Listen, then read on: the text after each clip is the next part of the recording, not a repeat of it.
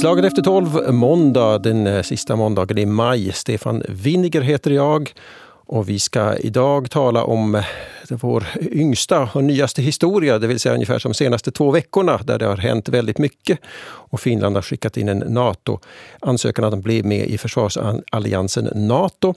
Och där det plötsligen eh, som ett brev på posten kom då invändningar från Turkiet där president Erdogan vi sa att vi tänker inte alls godkänna Sverige och Finland som nya NATO-medlemmar och vad det beror på och varför det nu skrämmer kurderna, det ska vi prata om här idag. Och med mig här i studion har jag Agashau Bibani som är kurdiska. Välkommen till Slag efter tolv. Tack, tack. Du bor här. Du är uppväxt i Finland också här? Eh, ja, ja. jag var inte född här men uppväxt här. Ja. ja. Du är också eh, kommunal, du politiskt aktiv för Vänsterförbundet kan vi för ordningens skull säga här, men det är inte därför du är här utan det är för din Nej, kurdiska precis. bakgrund. Och med oss har vi också här Tom Kankonen, eh, Yles utrikesredaktör. Välkommen till Slaget efter tolv. Tack, tack.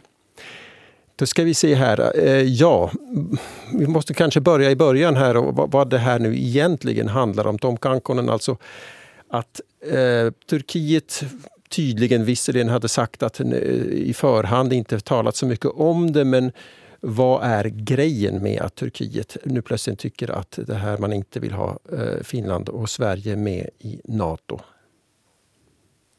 Det finns en massa signaler här. Det finns eh, några signaler mot eh, Finland och Sverige, men det handlar också om att Turkiet indirekt försöker förhandla med, med USA om både vapenleveranser och speciellt eh, det här eh, kurdområdet i, i norra Syrien som, som då eh, enligt Turkiets version av, av saker och ting kontrolleras av, av terrorister med kopplingar till Kurdistans arbetarparti PKK, medan, medan väst ju har under de senaste åren sett de syriska kurderna som väldigt värdefulla allierade i kampen mot Islamiska staten. Så det, det, är väldigt mycket. Och det är inte nytt att Erdogan försöker mjölka saker i sådana här situationer, föra sådana här förhandlingar. Det, det är egentligen ganska standard, en standardrelation nu för tiden för Turkiet i relation till EU och, och, och väst. Man, den där relationen är, jag tror inte man ser så mycket värde i, i väst i sig, men man ser det som ett ställe där man kan förhandla om saker och kanske få nytta för sig själv. Den relationen har förändrats jättemycket under, speciellt under Erdogan, Erdogans tid. Mm. Och eh, då vänder jag mig till Geshab Bibani här. Eh, hur, jag förstår att, att ni, kurderna går då från att ha varit våra, våra, våra vi västs allierade eh, i kampen mot eh, en annan fiende, Islamiska staten. Då har, har ni varit på rätt sida. Så nu plötsligen, nu är det här ett problem. Och hur upplever kurderna det här?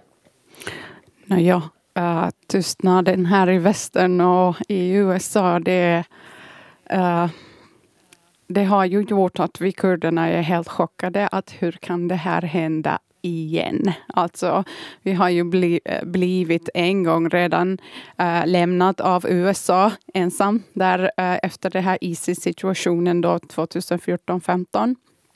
Och äh, det har lämnat oss förbannade, självklart, att, att vi, är, vi, vi, står här framför den här samma situationen. Och här har vi Biden i USA som, har, som håller på att, att, uh, att eh, lobba för Turkiet, uh, det här uh, F-16 fighters-planen och, och, och, det, är ju, det är ju skrämmande. alla vapen som uh, säljs till Turkiet, vi kurder vet att de kommer att användas, att användas emot oss i, i Rojava eller i, i norra Irak. Så uh, den här situationen är ingenting nytt, men uh, Nåja, vi är, vi är, efter eh, situationen med Isis så förväntade vi eh, någon slags av allians tro till att uh, de här väst, västra, vänstra länderna kommer att uh, uppskatta det vi, vi har gjort och de förstår att vi är en demokratisk uh, autonomisk område där som vill verkligen påverka uh, autonomi och demokrati i, i Mellanöstern. Mm. Men det händer tyvärr inte, för att vi blir ju kastade under tåget igen. Och nu har vi, då, nu har vi varit fixerade vid eh, den ryska presidenten. Mm. Och så där. Man har inte tänkt så mycket på Turkiets president ett tag. Hur, om du skulle jämföra Vladimir Putin och eh, Tayyip Erdogan, eh, hur, hur, ur kurdiska ögon, hur ser det ut då? Alltså jag tycker att han, eh, Erdogan är ju mycket värre än Putin. För att eh, först och främst, eh, Erdogan är en del av Nato, som vi sa. Eh, eh, eh vi satt här eh, tidigare och pratade om det här. han har händerna i Nato. Han har, han har det där muslimska kortet i händerna. Han kan, han kan använda det här, det här med islamiska världen också. Så att, att hans makt och regim, den går mycket, mycket över gränserna av Turkiet. Han spelar samtidigt med de kurdiska ledarna i, i norra Irak. Han spelar med, med Ryssland. Han, han är ju, vi vet ju alla att han har eh, någon slags sån här med Putin eh, också. Och så samtidigt, han har eh, han har eh, den här psykopatiska viljan att återförena det här Ottomans imperium eh, eras Turkiet. Och det är ju mycket, mycket farligare än vad Putin har varit till Europa. Putin har hotat eh, Ukraina. Putin ville inte att, att eh, Nato ska eh, vad heter det, förvika, utvidgas, utvidgas ja. mm. Eh, mera här i Europa. Och det var det som, som ledde oss till den här situationen. Okej, vi vet ju att situationen i Ukraina har varit ganska dålig redan i 14 år. Men alltså situationen med Kurdistan har hållit på i 106 år. Vi, vi pratar om, om mm. eh, Ottom, Ottoman imperiums eh, era som, som de vill fortsätta med. Mm. Så jag tycker att han är mycket värre och vi har gjort en stort misstag med att gå in i samma bädd med, med Erdogan. Jag, jag, jag tycker inte att Finland vet ännu vad de har gått med på med den här NATO-ansökningen, mm. tyvärr. Nu, nu, nu, om jag skulle få sticka in här också. Eh, alltså, jag tycker inte man ska jag, jag är jättedålig på att jämföra lidanden, men, men det är därför jag tycker att man inte ska relativisera sådana saker. Men, men det är klart att Putin har ju, har ju startat det blodigaste kriget i, i Europa sedan, sedan det andra världskriget, förutom om man ser på sikt förstås, alltså, eller Bosnien och, och Jugoslavien var förstås blodigare på ett visst plan, men, men så här som angreppskrig, det var mer typ inbördeskrig. Men det som man kanske måste säga om, om Erdogan och Putin är ju det att det är ju intressant att de har en sån här balansgång. Alltså de, jag kommer ofta att tänka på berättelsen om, om, om skorpionen och, och grodan. Och, och grodan skulle föra skorpionen över, över floden och, och sa att eh, du dödar väl inte mig? Och skorpionen sa att nej, det gör jag inte för att då drunknar jag ju. Men, men sen bet skorpionen till sist.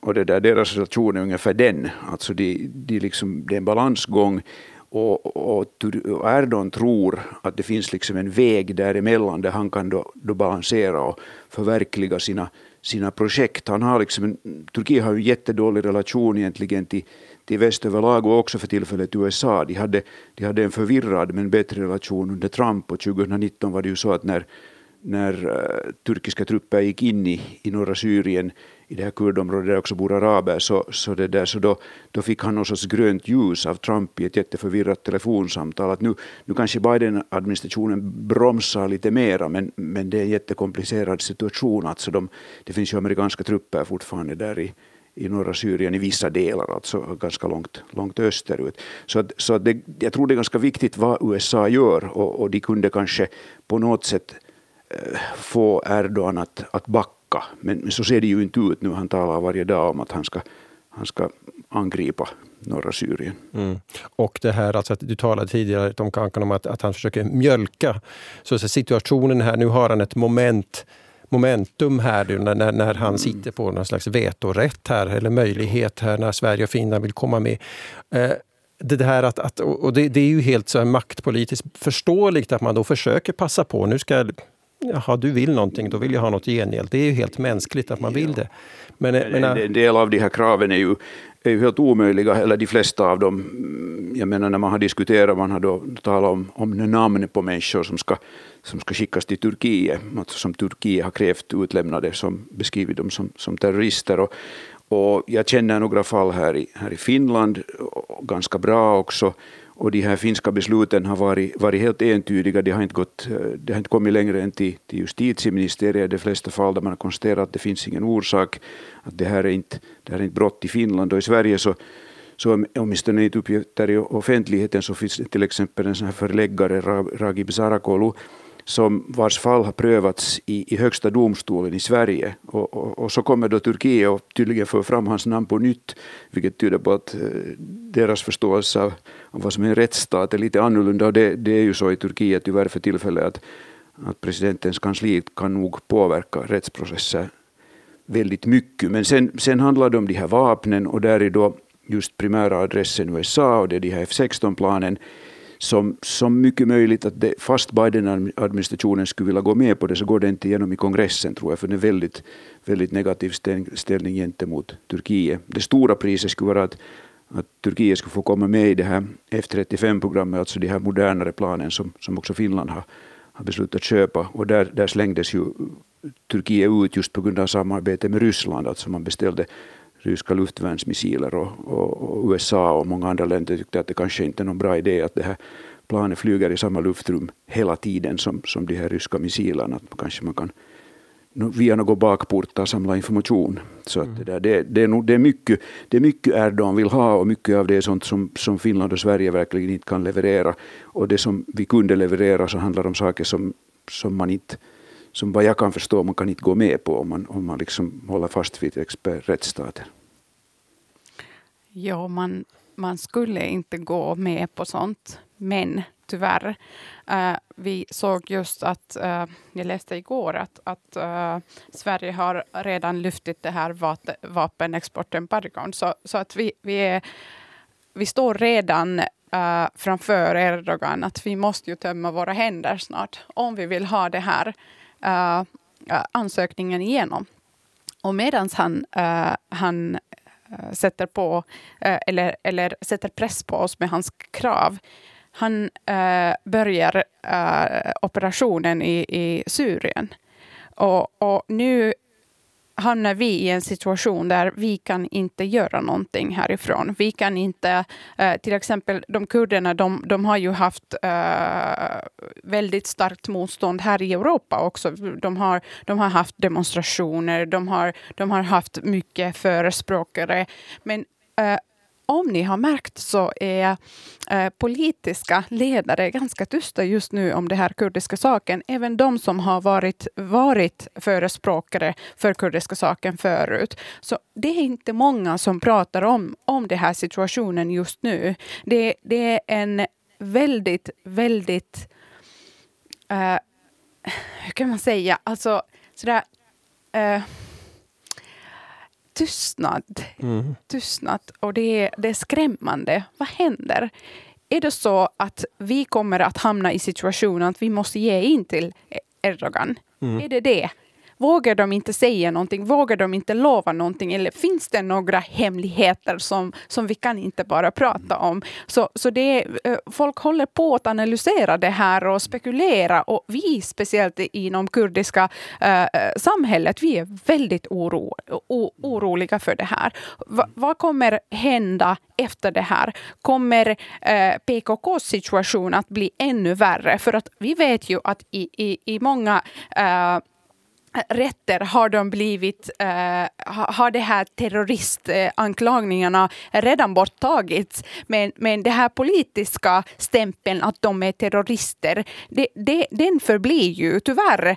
Och, och, och det är ju den situationen är vi väldigt oroliga för. Vad kommer att hända där? Kommer han att, att, att tajta den där snören runt PKK ännu värre för att få det där motståndet av de kurderna där i området ännu svagare? Är det mm. det han söker efter? Att vill han få eh, berättighet till hans krig? Och, och, han får det om vi håller tyst nu. För det är ju mänskliga rättigheter. De håller ju inte bara i Finland eller i Sverige. De är globala saker. De är globala ämnen som vi alla har ansvar till. Och det är det som jag är jätte, jätte orolig för. Vad händer till det där globala ansvaret? Kommer det vara så att, att eh, i, i, i de, de nästa åren, det, det handlar om att vem är starkast, vem har mest vapen, vem, vem, är, vem är den som är in cirkeln av Nato eller någon annan eh, förbund eller organisation. Det ska inte vara så. Vad händer till alla de andra? Mm. Det, är så här, det, det, har blivit till en, till en eh, lek att, att eh, nopeat syövät hitat och det ska inte vara så. Det handlar om människoliv, det handlar om basic saker mm. som demokrati, som, som uh, uh, människorätter, ekologi, samhälle. Det, det, det är mycket saker här som är uh, på bord. Och, och, det är frågan om, om mycket större saker än bara Finlands säkerhet. Mm. De kan det här... Ja, ska jag få komma ja, in här? Alltså det, det som jag funderar på, det här, det här med PKK ser ju så att att Europeiska unionen och, och USAs utrikesministerium definierar PKK som en en terrororganisation och, och, jag har själv varit i Turkiet ganska mycket och också bott där och en del av de här aktiviteterna som, som PKK har sysslat med i tiderna så uppfyller ju nog den, den definitionen vad jag kan förstå. Men, men alltså den här, eh, när det gäller den här vapenexporten som det var tal om här tidigare, så det är nog en, en det kräver nog ganska mycket akrobati att, att gå med på det kravet för att 2019 när till exempel Finland meddelade att man inte beviljar exportlicenser till Turkiet, så det uttryckligen fick sin början när Turkiet marscherade in i norra Syrien i oktober 2019. Och om nu Turkiet skulle gå in där på nytt så, så har jag ganska svårt att se hur man skulle motivera att man, man kan återuppta vapenexporten. Och det gäller förstås både Finland och, och Sverige. Så att, så att om Turkiet går in, går in där på nytt så, så, så hur ska man förklara att det som, det som var omöjligt eh, 2019 är plötsligt möjligt? Mm. Här... Du ville fråga någonting, jag hade, det, linjen bröts, jag, jag, är inte i Böle för tillfället. Så. Just det. Nej, jag, jag, tänkte, jag tänkte bara det vi, vi, vi talade om här, eller det som Geshabi Bani talade om här, att, att eh, den här eh, terrorismkopplingen, så att, att hur pass... Du säger att, att eh, rent så faktiskt har, har PKK eh, genomfört eh, angrepp mot turkiska militärer och annat som, som så rent objektivt kan klassas som terroristiska. Jag skulle inte, jag skulle Men jag menar, hur mycket politik är det i det här att, att stämpla kurdiska organisationer som... Alltså är, man inte, är man väldigt benägen om att, att terroriststämpla? Det, det, här, det här gäller ju inte bara, bara kurdiska organisationer utan det finns en annan grupp som är, som är Erdogans, Erdogan definierar som sina motståndare. Alltså han hade en sån här allierad, Fethullah Gülen, en religiös ledare som bor i i, i USA och, och, de var tillsammans, alltså de samarbetade men sen, sen blev det då delade meningar och, och Erdogan påstår att, att den här Gülen var involverad i kuppförsöket 2016 och det, det finns ganska mycket som tyder på det.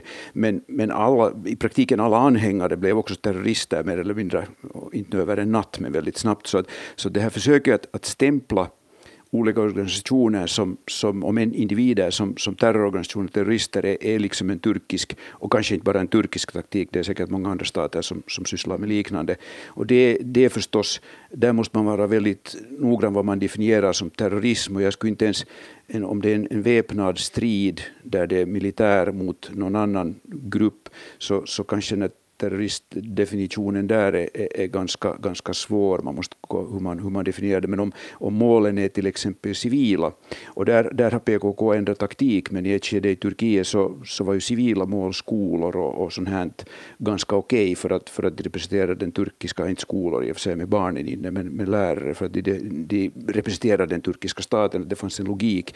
Men, men sen liksom att man då, man då säger att alla syriska kurdorganisationer är terroristiska eller alla kurdorganisationer eller en massa individer som, som som har sysslat med, de har framfört åsikter som är motbjudande för Turkiet och så, så terrorstämplar man. Och för den här turkiska definitionen av terrorism är väldigt vid, också inne i Turkiet när man, man startar rättsprocesser. Så den är helt annorlunda än, än i de flesta andra länder. Det är väldigt lätt att bli terrorist i, i Turkiet. Det, det, är ganska, det är ganska lätt att bli terrorist, jo, eller åtminstone, åtminstone sprida terroristisk propaganda eller stöda terrororganisationer, så, så där kan man, kan man nog hamna på den listan ganska lätt, tror jag.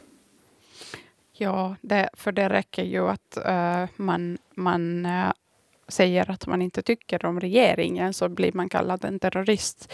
Uh, eller, eller, så blir man, eller så blir man åtalad för att ha förolämpat presidenten. Det är faktiskt ja. väldigt, det, det är, formellt är det institutionen, men under, under Erdogans tid så, så har det här, de här fallen de har exploderat. Alltså det är massvis med folk som blir åtalade för att förolämpa presidenten. Ja, jag har förstått att Tom, du har också fått en sån här åklagars? Eller, nej, då har du, då har du, förstå, då har du nog lyckligtvis okay. förstått fel. Kanske. Okej, okay, men, men alltså, nej, nej, vi har ju en exempel. Vi har ju, vi har ju Amineh Kakabaveh i, i, uh, i Sverige, det här vilda kortet. Som, Riksdagsledamot. Hon är, ju, hon är ju iransk i bakgrund. Hon är kurd från Iran, inte från... Ja, hon var med, hon var med i Komala. Komala. Jag har, ja. har någon gång rest i norra Irak, och, eller irakiska Kurdistan, och då, då såg vi Komalas baser. Det var en ganska liten organisation, men men ja, det är, det är ju en grej som, som har lyfts fram i Turkiet och speciellt det att, att hon utnyttjar sin politiska makt. När Magdalena Andersson skulle bli statsminister så, så gav hon den avgörande rösten och då, då skrev hon på ett avtal, inte med Magdalena Andersson utan med Socialdemokraternas partisekreterare om stöd för för olika projekt, olika organisationer, det får de inte nämna i det där pappret, men i, i norra Syrien och också det att man skulle då stödja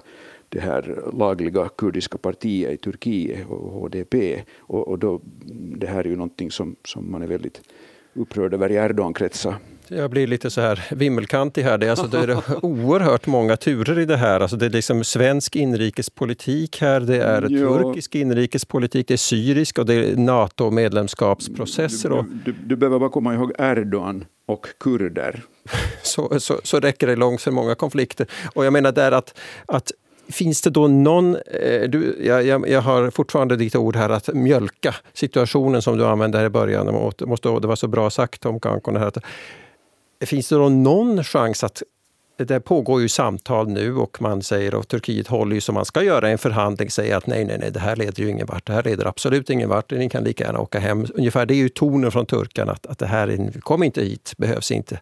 Eh, att, finns det någon så här, objektiv man säger alltid att med vilja så går det att lösa saker, men så här rent objektivt verkar det här för en enkel människa som mig se helt hopplöst ut.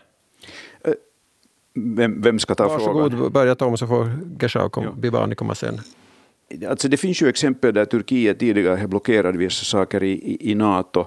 Och, och en, en grej gällde försvaret av, av Baltikum uh, för något år sedan. Och, och då, då backade de och det är lite oklart vad de fick i den situationen. De hade då vissa krav på att man skulle definiera just de här syriska kurdorganisationerna som terroristiska.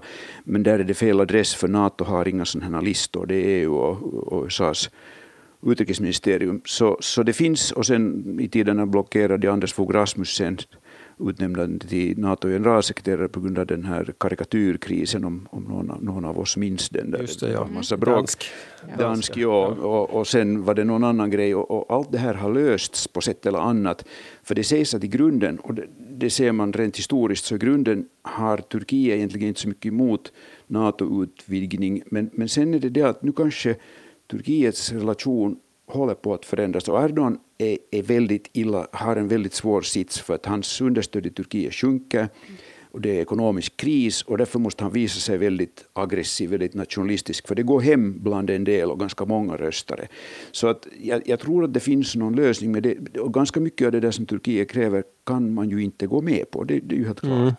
Men, men sen tror jag att det är ganska avgörande vad USA gör. För att, för att om USA eh, förbinder sig vid den här utvidgningen så kan de sätta press på Turkiet. Och på samma sätt kan de också sätta press på Turkiet om de vill i relation till, till kurderna, det vill säga hur Turkiet handskas med, med norra Syrien. Alltså, ja, vi måste också äh, kolla lite hitåt vår granne här. Vi har Putin som pressar Europa. Och det här ekonomin i Europa har också kraschat. Och vi, vi, vi har, vi har uh, vi har åt ena sidan USA som vill Finland in i Nato. Så tyvärr, eh, jag tror nog att eh, USA kommer att hålla tyst i det här kurdiska casen den här gången. De kommer inte att eh, att göra deras del igen eh, för att eh, kunna, kunna stå eh, för det här NATO-utvidgningen. Och det är det som är viktigare för NATO just nu än, än kurdiska saker. Mm, alltså att, fin, fin, att, Finland, och Sverige, Sverige kommer med, in. stärka ja, NATO ja. mot Ryssland, ja. är, går, tror du att kommer gå före precis, kurdernas intressen precis, den här gången? Precis. För, Förlåt. För, för att vi har ju, vi har ju eh, hallå, vi, vi, vi, pratar om, om Ryssland. Det är ju, uh, det är ju USAs arch enemy. Mm. Och, och det, det, det, här är någonting som USA har velat länge. Det finns till och med uh, det, det, det, finns några analyser eller spekulationer att, att det här kriget i, i Ukraina var, eh, det var en liten spel också av USA. De har stött Ukraina så starkt för att hålla emot Ryssland så att det här, det här saken skulle kunna hända för att det här NATO-utvidgningen skulle hända. För mm. att vi har ju haft det här talet om NATO här i Finland redan i 20 år. Det var inget nytt, men det behövde den här liten press för att hända hända. Mm. Så jag tror att det, det är Ganska stor press har det känts som sista tre månaderna. Men, men you never know. Jag tror, jag, jag, tror inte att vi ska börja diskutera Ukraina och, och, och, Ryssland. Då tror jag att vi blir ganska oense märker jag här. Men, men det som man kanske, det som man kanske äh, bör fundera på är, är kurdernas relation till USA. Och det, det var så att de irakiska kurderna på 70-talet Eh, Eh, hade en, en ganska bra relation, en del av dem, till, till USA och, och, de var nyttiga eh, i kampen mot, mot Saddam Hussein och regimen i Bagdad. Och sen när det inte behövdes, för att det fanns ett sånt projekt för att man måste skapa ett, ett avtal mellan Iran och Irak om, om Shat al-Arab som är den här där i Persiska viken. Och då var kurderna nyttiga för att sätta tryck på, på Bagdad. Men sen kom man överens om det här och då var inte kurderna längre nyttiga och så uppstod det någonting som kallades för the Kissinger moment och det var det när irakiska kurderna utsattes för angrepp av, av Bagdad och försökte få ta kontakt med Washington men, men ingen svarade i telefonen och speciellt inte Kissinger. Så att kurderna har ganska mycket erfarenheter av, av sådana här då olika stater i, i regionen eller längre bort har, har utnyttjat dem för olika projekt. Så det, det skulle inte vara den första gången som, som kurderna slängs under bussen tyvärr. Mm -hmm. Och vad, vad, vad, öppnar det då? Alltså det, det, här öppnar då, om jag nu försöker bena ut det här för att Förmodligen kommer då Turkiet att med lock och pock förmås att säga ja till Finland och Sverige så småningom. Eh, men det kommer inte gå som kurderna vill, är väl det? Det kostar oss. Det kostar oss hur som helst som händer här.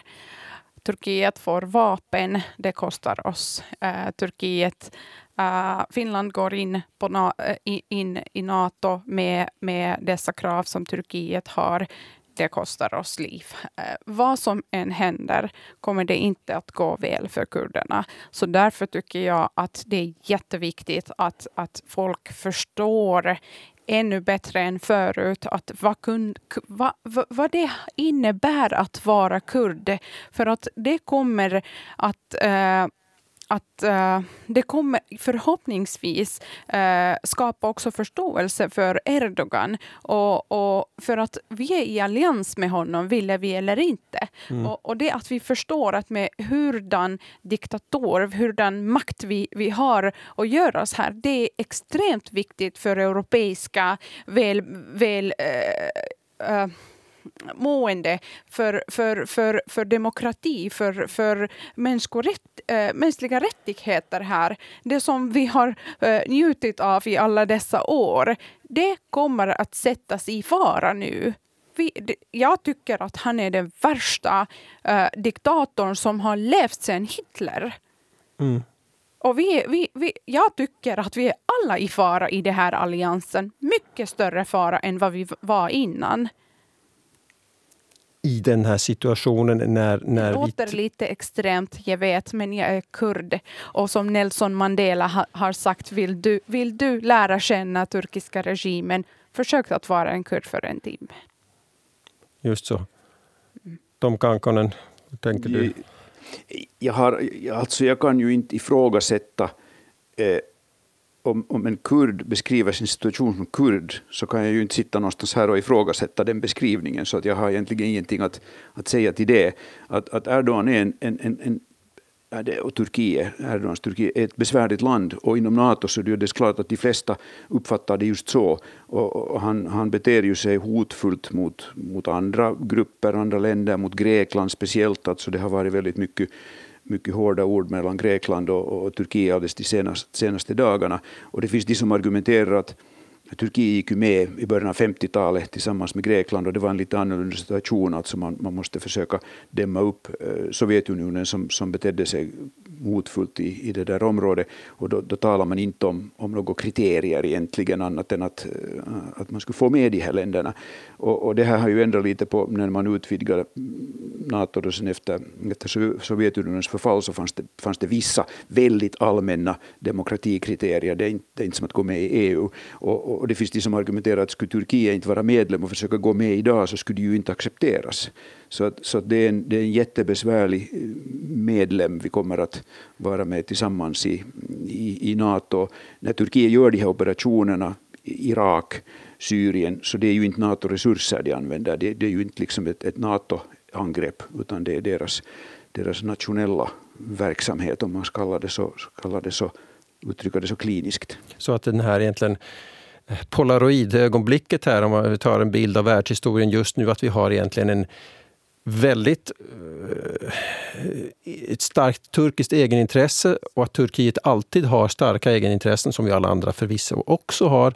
Men att, att vi så säga, den här som vi i Finland nu upplever som ett väldigt historiskt ögonblick, att gå med i Nato, att det här nu får så väldigt väldigt starka eh, kopplingar till alla möjliga saker. Som när vi, vi har ju bara tittat nu på, på vi har sett vad Ryssland gör i Ukraina. Vi har sett att vi vill ha ett, eh, kunna få säkerhetsgarantier så att vi inte hamnar i krig. Att plötsligt blir vi indragna här i, i en, som Geshabi Bani sa, här, ett, ett hundraårigt krig mellan Turkiet och kurderna. Eh, alltså det här blir kopplingar som vi knappt överblickar egentligen, när vi och vi är bara en del av ett, ett, ett skeende som sträcker sig långt tillbaka. Så det här att eh, det sätter ju våran, våran vilja att nu gå med i Nato i ett annat ljus och jag förstår att kurderna inte är helt glada åt det naturligtvis. Om jag får säga, om jag får säga så mycket här är ju det att, att vi söker, vi, vi, såg ju en, vi såg ju ett grannland, vad jag kan förstå, jag är inte, jag är inte Rysslands expert, men vi såg ju ett grannland som vi tyckte att vi kunde handskas med. Men efter den 24 februari så såg vi ett grannland som, som inledde ett anfallskrig i Europa. Och, och då förändrades den här situationen. Alltså den här, den här, det fanns ju inte någon iver för Nato i Finland överhuvudtaget före den 24 februari när, när Ryssland anföll Ukraina. Det är den förändrade situationen. Men, men sen är det ju jätteolyckligt att det finns i Nato ett medlemsland som, som Turkiet. Och jag tror att det är ganska många länder inom Nato som, som ser det på samma sätt. Att det, det är liksom, de är där och, och de, de har en stor armé och de finns på ett viktigt område. Så det, och man, man kan inte slänga ut länder ur, ur Nato. Så att det, det är nog en besvärlig situation. Och, och det viktiga är att vi får inte, vi får inte kompromissa i vissa saker, till exempel i de här utlämningsärendena. Det, det handlar liksom om, om rättsstaten, det är folk som har fått skydd här, folk som, som bor lagligt här och i, i vissa fall åtminstone i Sverige om, om svenska medborgare. Då det, det, det är ju ingen diskussion. Kan, de kan ju inte sätta sig ner och diskutera det här att ja, här har vi den här Amine eller här har vi den här den här förläggaren eller den här, att, att hur ska vi nu göra med honom? Det är ju saker som inte, det kan inte vara föremål för diskussion. Och det tycker jag också att om, om det finns övriga demokratiska länder i NATO och ändå majoriteten är det, den absoluta majoriteten är ju det, så borde de ju också backa upp Finland och Sverige, för vi kan ju inte gå med på, på krav som i praktiken det är en verksamhet som är liksom odemokratisk och mot mänskliga rättigheter och det, det, kan ju inte vara ett kriterium för att gå med i NATO.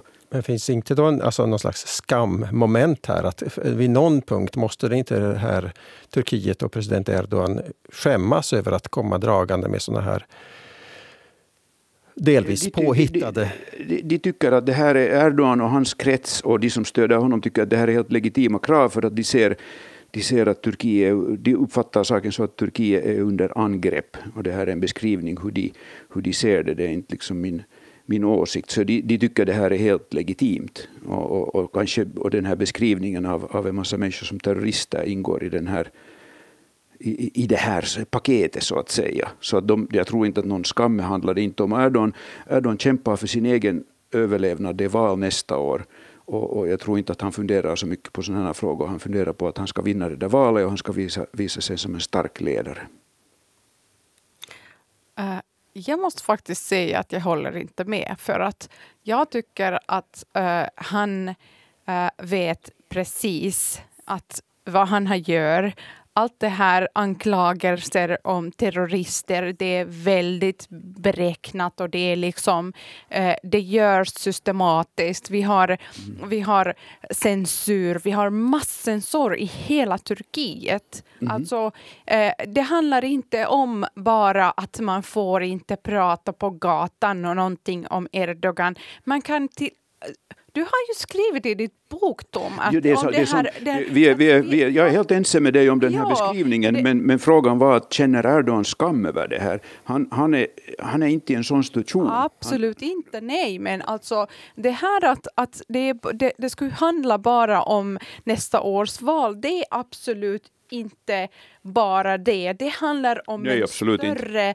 större viljan för att vara det här sultanen som kommer att återställa det här, det här uh, Ottomans imperium. Det handlar om någonting mycket större mm. och uh, finare uh, för honom än, än vad vi förstår här. Det, det, det, det vi, är, vi är helt ense, men, men ja. den, den akuta frågan han löser nu handlar med det att han, han ska stanna kvar vid makten. Och den här, det här långsiktiga, vi är, vi är egentligen helt ense om, om allt mm. vad du säger, men, men det som förklarar hans beteende, speciellt just nu, är, är, som, som tillspetsar det hela, är det att han, han kämpar för sin egen överlevnad i ett land där det är en, en massiv ekonomisk kris och, och, och där saker går helt på tok. Men, men det finns i det turkiska samhället en, en längtan efter en stark ledare, som det finns tyvärr i ganska många samhällen. Och, och, och, det är det han tappar in på, så att säga, att han, han försöker nu skapa den här, den här stämningen där han, där han är räddaren och, och, och den starka ledaren. Och, i det ingår förstås ett sånt här Turkiet som, som är betydligt mer än, än, än, än dagens Turkiet. Det är ett Turkiet som har inflytande på många, många olika ställen. Vi är, vi är, helt, vi är helt ense. Här blir det inget gräl. Äh, jag måste nog säga en sak till. Att, att om, om det görs kompromisser, alltså kompromisser har ju redan gjorts. Det är ju, det, vi kan inte stänga ögonen om allt det som han har redan gjort där i Mellanöstern, speciellt mot kurder. Vi kan inte stänga ögonen. Vi kan inte stänga ögonen att USA lämnade oss. Hela Europa var tyst och nu Finland och Sverige står framför samma val. Vad kommer de göra?